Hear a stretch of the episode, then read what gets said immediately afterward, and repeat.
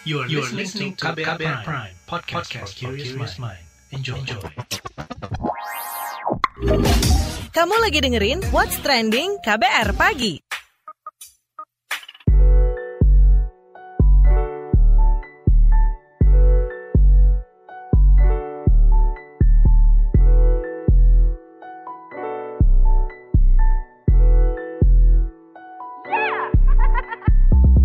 KBR Pagi, siaran pagi radio paling update. Selamat pagi, apa kabar Anda hari ini di hari Jumat 5 Februari 2021?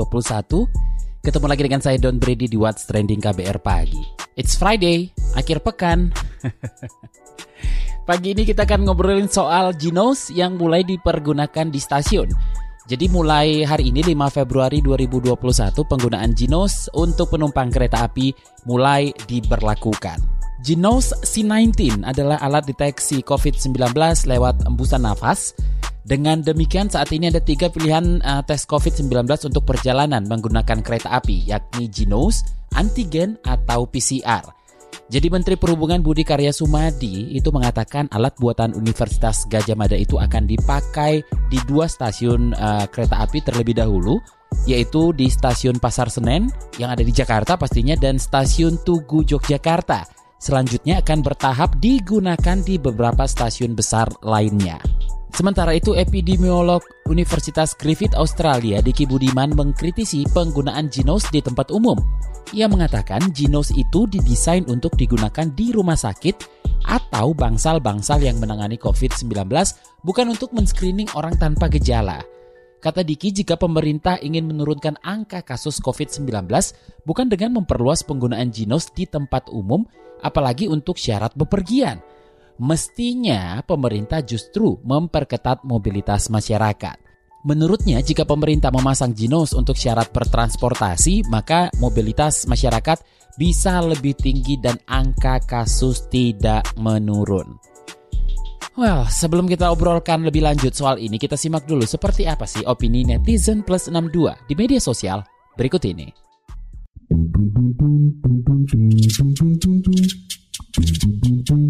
Kita ke komentar akun @giwahyudi. KAI 121 akan menghadirkan layanan Genos Test di sejumlah stasiun untuk screening COVID-19 pada pelanggan KA jarak jauh. Ayo kenalan dengan Genos biar nggak kaget pas di stasiun.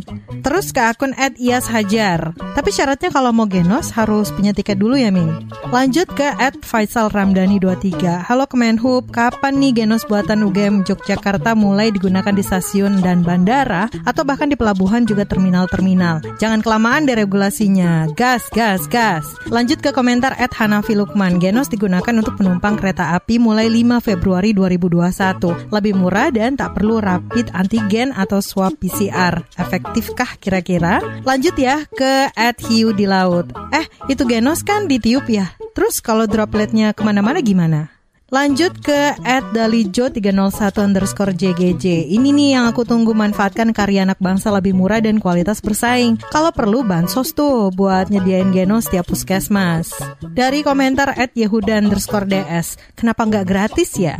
Dan terakhir ke akun @iva underscore Firdayanti. Wah mantap nih, tapi paling aman sih emang nggak naik transportasi umum ya kalau nggak kepepet. Kalau kepepet naik ya nggak usah makan atau minum, maskeran terus pokoknya. What's Trending KBR Pagi? Balik lagi di What's Trending KBR Pagi. Kita lagi ngobrolin soal kala Ginos mulai dipergunakan di stasiun. Sebelumnya beberapa kalangan menilai kebijakan penggunaan Ginos dan peningkatan kapasitas penumpang pesawat 100% dinilai kontradiktif dengan kebijakan penerapan pembatasan kegiatan masyarakat atau PPKM yang bertujuan membatasi aktivitas masyarakat untuk menekan laju penularan COVID-19 pastinya. Meski demikian, juru bicara Kementerian Perhubungan Adita Irawati menekankan pentingnya masyarakat untuk tidak bepergian jika tidak mendesak. Ini dia pernyataannya melalui YouTube Kementerian Perhubungan 2 Februari 2021 yang lalu. Meskipun ini alat deteksinya ini, alat screening ini mungkin lebih nyaman, lebih terjangkau, tapi dalam situasi pandemik seperti sekarang, tetap himbauan utamanya adalah untuk di rumah saja dulu gitu.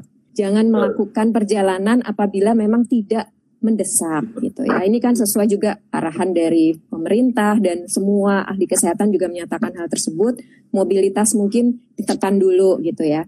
Tapi kalau memang harus melakukan perjalanan dan membutuhkan alat tes ini, ya saya rasa mungkin Genos bisa menjadi salah satu solusi. Jangan kemudian ah ini ada yang nyaman, ada yang murah, terus akhirnya udahlah pergi ke sana mari. Padahal sebenarnya mungkin nggak mendesak gitu. Kami di Kementerian Perhubungan akan memperlakukan genus ini sebagai salah satu ya. Artinya rapid antigen dan PCR test masih tetap akan menjadi salah satu syarat ditambah dengan genus ini. Kemudian tadi yang kedua juga setelah kemudian terscreening orangnya naik kereta api bahwa setelah turun ini kan rantai aktivitasnya sudah di luar moda transportasi umum ya. Ini memang ya. sangat tergantung dari perilaku dan juga kedisiplinan dalam melaksanakan protokol. Jadi ini juga perlu menjadi perhatian juga ya buat kaula moda bahwa ketika kita ada di transportasi umum tuh kita masuk ke alat mobilitas gitu ya. ya. Di situ diupayakan dengan aturan yang ada di screening agar orang yang punya potensi untuk menularkan itu tidak masuk gitu. Tapi setelah itu Ya ini kan sesuatu yang seharusnya kontrol itu ada pada diri kita sendiri gitu ya. Jadi bagaimana kita menghindari kerumunan, bagaimana kita menggunakan melaksanakan protokol itu juga satu hal yang tidak kalah penting. Makanya kita harus sama-sama, nggak mungkin hanya mengandalkan aturan-aturan yang di transportasi umum, tapi juga kita sendiri juga harus disiplin. Nah lalu seperti apa kritik dari ahli epidemiolog soal penggunaan ginos di tempat umum? Kita simak penuturan epidemiolog Universitas Griffith Australia, Diki Budiman kepada KBR berikut ini. Apresiasi tentu kita berikan. Jadi adanya kritik bukan berarti tidak apresiasi. Dalam dunia ilmiah, kritik itu dicari untuk memperkuat hasil dari riset. Dan saya sendiri pun di sini Australia ya untuk tes nafas itu bukan hal baru ya bahkan di waktu tes untuk influenza pun sudah ada wah, riset itu. Tapi uh, untuk diketahui tes melalui nafas ini dalam tataran paper itu menjanjikan potensial sekali. Tapi dalam aplikasi real di lapangan, nah, realitanya itu tidak mudah dan membutuhkan perjalanan panjang karena banyak faktor yang berpengaruh, terutama ya lingkungan, humiditas ya, uh, itu juga menjadi salah satu faktor kendala dan selain juga isu sensitivitas dan spesifisitas dari alat ini juga masih mengemuka ya. Ditambah lagi kalau berkaitan dengan COVID-19, uh, coronavirus itu ada tujuh spesiesnya. Nah ini harus memastikan uh, apakah ini bisa membedakan ya dengan apalagi yang empat yang sudah endemik ini sehingga tidak terjadi kesalahan kita dalam upaya untuk men-screening. Dan itu sebabnya kenapa walaupun di negara-negara maju tes ini sudah digaungkan uh, di awal-awal pandemi, bahkan di Maret Amerika ya, kemudian Eropa, semua benua sudah ada. Tapi sampai saat ini belum ada negara yang menerapkan ini dalam uh, sebagian dari strategi screening. Karena apa? Karena masih perlu uji lebih lanjut. Dan kalau bicara dengan genos ya, penempatannya tidak tepat ya karena berbasis dari risetnya sendiri Ya, dia sudah berbasis mesinnya itu sudah dimodifikasi dalam realita atau kondisi rumah sakit. Tentu rumah sakit dengan populasi umum berbeda. Kemudian di fase berikutnya, ya walaupun ini sudah bukan di bangsa lagi, tapi dirawat jalan, tapi itu ada ada pertama dari target populasi ya kalau ditujukan sekarang untuk transportasi umum itu artinya target populasi general ya, umum itu harus didesain sejak awal dari riset. Nanti kita akan ngobrol dengan Vice President Public Relation PT Kereta Api Indonesia Joni Martinus. Jadi jangan ke mana-mana ya, tetap di What's Trending KBR Pagi.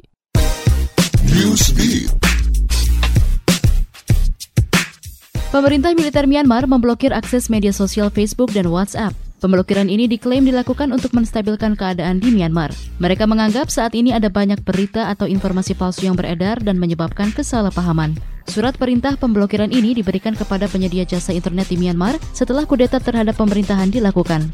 Sementara itu, Sekretaris Jenderal Perserikatan Bangsa-Bangsa PBB, Antonio Guterres menyampaikan, PBB akan melakukan segala upaya untuk menekan Myanmar dan menggagalkan kudeta tersebut. PBB akan berusaha memobilisasi semua aktor kunci dan komunitas internasional untuk mendesak menggagalan kudeta tersebut. Guterres pun berharap agar demokrasi di Myanmar bisa maju dan tahanan kudeta dapat dilepaskan.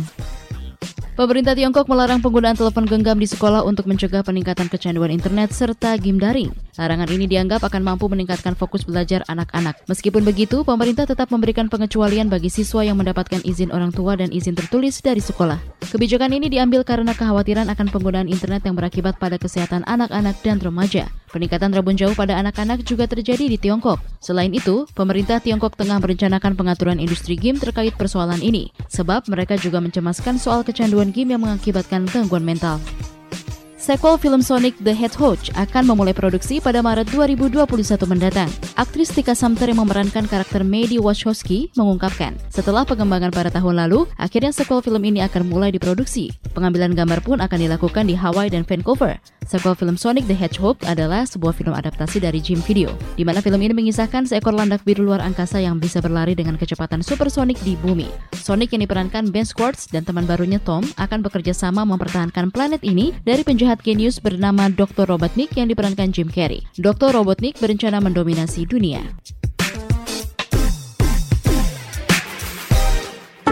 What's Trending KBR Pagi. Masih bersama saya Don Brady di What's Trending KBR Pagi. Kita lanjutkan ngobrol kala Jinos mulai dipergunakan di stasiun. Seperti yang saya katakan tadi, kita akan ngobrol dengan Vice President Public Relation PT Kereta Api Indonesia terkait penggunaan Jinos di dua stasiun mulai hari ini. Sudah bersama saya, Jody Martinus. Pak Joni, bagaimana sistem penggunaan Jinos di transportasi kereta api di stasiun uh, Pasar Senen dan Tugu? Kita mulai kemarin sudah uji coba ya penerapan pemeriksaan Genos di dua stasiun yaitu Senen dan Pasar Turi. Di masing-masing stasiun itu untuk saat ini dipasang 5 unit alat Genos. Adapun syarat untuk bisa melakukan pemeriksaan Genus ini adalah dilarang makan, minum, dan merokok kecuali minum air putih boleh selama rentang waktu minimal 30 menit sebelum pemeriksaan sampel napas. Jadi genus itu yang diambil sampelnya adalah napas yang dihembuskan. Nah, tata caranya adalah pertama tentu calon penumpang harus memiliki tiket. Nanti dia akan mendaftar, mendaftar di meja pendaftaran. Jadi didata nama, kode booking tiket, tanggal berapa dia akan berangkat, terus akan menggunakan kereta api apa. Setelah di data tersebut, baru nanti calon penumpang akan melakukan pembayaran. Pembayarannya itu sebesar Rp20.000. Setelah melakukan pembayaran, calon penumpang diberikan kantong. Lalu dia akan menuju ke tempat yang telah ditentukan dengan dibimbing oleh petugas kantong itu akan diberi hembusan napas dengan dibimbing oleh petugas. Nah, setelah kantongnya terisi penuh oleh nafas yang dari penumpang tadi, kantong yang telah berisi hembusan nafas itu dihubungkan dengan alat genus. Nanti dideteksi oleh alat tersebut selama lebih kurang tiga menit nanti akan keluar hasil apakah yang bersangkutan itu negatif atau positif. Nanti hasil tersebut berupa surat keterangan hasil pemeriksaan. Nah, bagaimana cara mengakomodir tes tersebut? Apakah disediakan ruangan khusus dan diawasi karena penumpang lepas masker dan mengembuskan napasnya? Memang sudah disediakan tempat khusus ya untuk menghembuskan napas tersebut. Jadi penumpang tersebut nggak melepas masker. Jadi kan hembusan napas itu kan tiga kali ya. Hembusan pertama itu dia menghembuskan napas di dalam masker. Jadi tarik napas, dikeluarkan dari mulut, tapi tetap di masker, di dalam masker. Yang pertama. Terus hembusan yang kedua sama menarik napas lewat hidung, dihembuskan lewat mulut, masih di dalam masker. Nah yang ketiga itu narik napas kembali dalam-dalam, nanti maskernya itu cuma disingkapin sedikit aja. Kan ada selang itu di kantong itu ada selang tuh ada kayak selang gitu ya kayak katup ya. Jadi dia cukup selang itu dimasukkan di sela-sela masker di bawah, bagian bawah itu dia akan tiup. Jadi masker nggak dilepas, nggak dicopot. Jadi selang penghubung yang ada di kantong itu di dari bawah yang dimasukkan ke mulut, ditiup, setelah itu nanti langsung ditutup sendiri oleh calon penumpang tersebut karena di kantong itu di bagian ujung itu sudah ada katup katup untuk menutup supaya udaranya nggak keluar. Oke, bagaimana PT KAI menjawab kekhawatiran masyarakat akan resiko penyebaran droplet dan aerosol saat pengetesan? Dan apa saja sosialisasi yang dilakukan terkait hal ini? Kita kan sudah dua hari ini coba. Nah itu jadi memang tidak ada droplet yang keluar yang dihembuskan nafas ya. Artinya dari mulut. Jadi dari mulut penumpang itu langsung ke pipa lah atau selang yang ada di kantong itu. Jadi mereka enggak nafasnya itu langsung masuk ke pipa tersebut ya, ke ke kantong itu. Jadi enggak ada cairan yang seperti orang menyembur atau meludah atau enggak itu. Nah, terus kita memberi edukasi lewat flyer-flyer, meme-meme, kemudian siaran pers ya. Terus terus juga kita kita merangkul juga merangkul anak-anak muda milenial untuk sosialisasi gitu. Kita kan punya akun-akun corporate kita dan kita juga bekerja sama dengan jadi ini programnya bukan PTKI sendiri, ini juga program dari Kementerian Perhubungan, kemudian dari UGM yang selaku menciptakan alat genus tersebut di UGM. Kemudian juga kita menggandeng PT Raja Wali Nusantara Indonesia selaku yang menangani bidang kesehatannya, bidang analis, bidang bidang deteksi yang berkompeten di bidang kesehatan lah.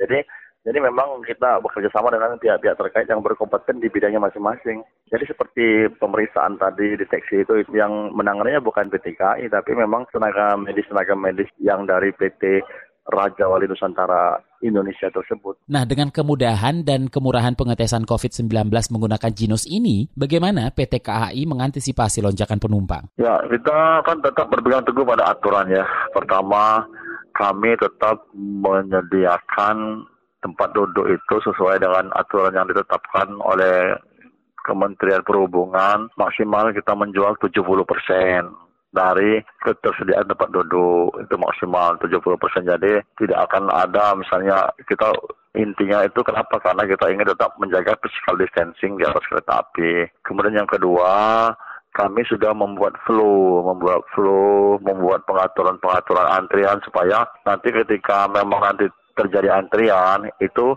calon penumpang tetap ada physical distancing, jaga jarak, dan tidak terjadi kerumunan. Nah, kemudian yang ketiga, tentu kami menjalankan kereta api ini berdasarkan dengan permintaan masyarakat ya. Kalau seperti saat ini karena kondisi pandemi jumlah penumpangnya rendah, permintaan masyarakat rendah ya kita menjalankan menjalankan kereta api sesuai kebutuhan saja. Tapi nanti kalau memang permintaan penggunaan kereta api ini tinggi, tentu kita akan evaluasi dan kita tambah perjalanannya, tapi tetap dengan menerapkan protokol kesehatan. Misalnya apa? Kami tetap membagikan tesil kepada penumpang untuk perlindungan ganda, mewajibkan penumpang untuk memakai masker, kemudian juga kami akan mengukur suhu tubuh penumpang setiap tiga jam sekali dengan termogan yang dilakukan oleh petugas-petugas di atas kereta api. Ini yang kita jaga. Kalaupun nanti memang ada peningkatan-peningkatan penumpang, kami tetap melakukan protokol kesehatan yang ketat. Jadi kita tetap tidak menjual itu secara penuh 100%. Kami maksimal menjual hanya 70% dari kapasitas yang tersedia di dalam satu gerbong itu. Terima kasih Vice President Public Relation PT Kereta Api Indonesia, Joni Martinus. Commercial break. Commercial break. Suatu hari, virus berkumpul dan mulai kebingungan. Duh, bingung. Mau nyari mangsa ke mana lagi ya? Iya nih, semua orang pada pakai masker. Aku ada ide. Kita nongkrong di rumah makan aja gimana? Ngeliatin orang-orang yang lengah nggak pakai masker?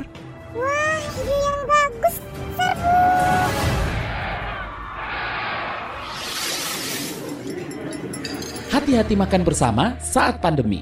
Sebaiknya pilih ruang terbuka, tetap jaga jarak kamu 1,5 meter jika duduk bersebelahan, 2 meter jika berhadapan. Batasi waktu makan bersama 30 menit saja dan jangan berbicara saat makan. Jika sudah selesai, gunakan kembali maskermu ya.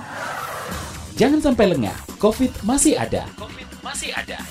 Pesan layanan masyarakat ini adalah kampanye bersama media lawan COVID-19. What's Trending KBR Pagi.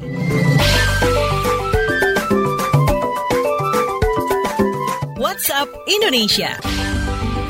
What's Up Indonesia kita awali dari Cilacap, Jawa Tengah. Pemerintah Kabupaten Cilacap mendukung program Jateng di rumah saja yang digagas oleh Gubernur Jateng Ganjar Pranowo pada dua hari, Sabtu dan Minggu akhir pekan ini. Kepala Dinas Kesehatan Kabupaten Cilacap, Pramesti Griana Dewi mengatakan, dukungan itu bukan tanpa sebab. Terbukti selama pemberlakuan pembatasan kegiatan masyarakat atau PPKM, tren kasus baru COVID-19 menurun drastis. Bahkan pada 1 Februari Cilacap tak ada penambahan kasus COVID-19.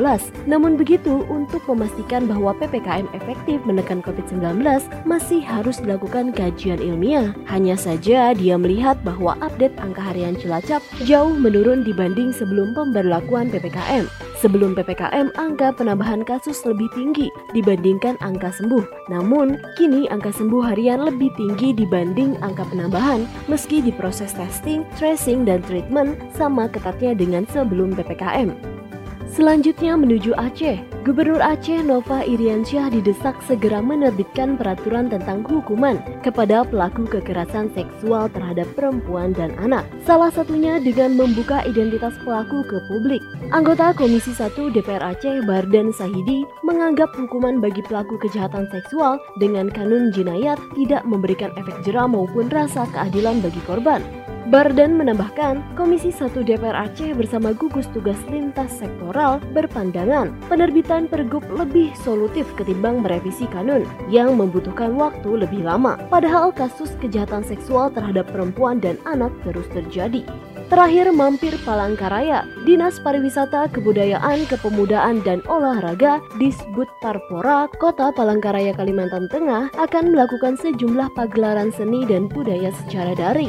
Melansir antara news Kepala Disbud Parpora Palangkaraya, Ihwanuddin mengatakan pihaknya memprogramkan pagelaran seni di 2021 karena tahun lalu tak dapat terlaksana. Dia berharap kasus COVID-19 dapat menurun sehingga mereka bisa menggelar acara tersebut. Ia mengungkapkan ada 22 kegiatan pariwisata yang berbau seni maupun kebudayaan yang batal diselenggarakan pada 2020. Di 2021, Dinas Pariwisata ingin menggeliatkan kembali sektor wisata meskipun hanya bisa dilakukan secara daring karena pandemi COVID-19.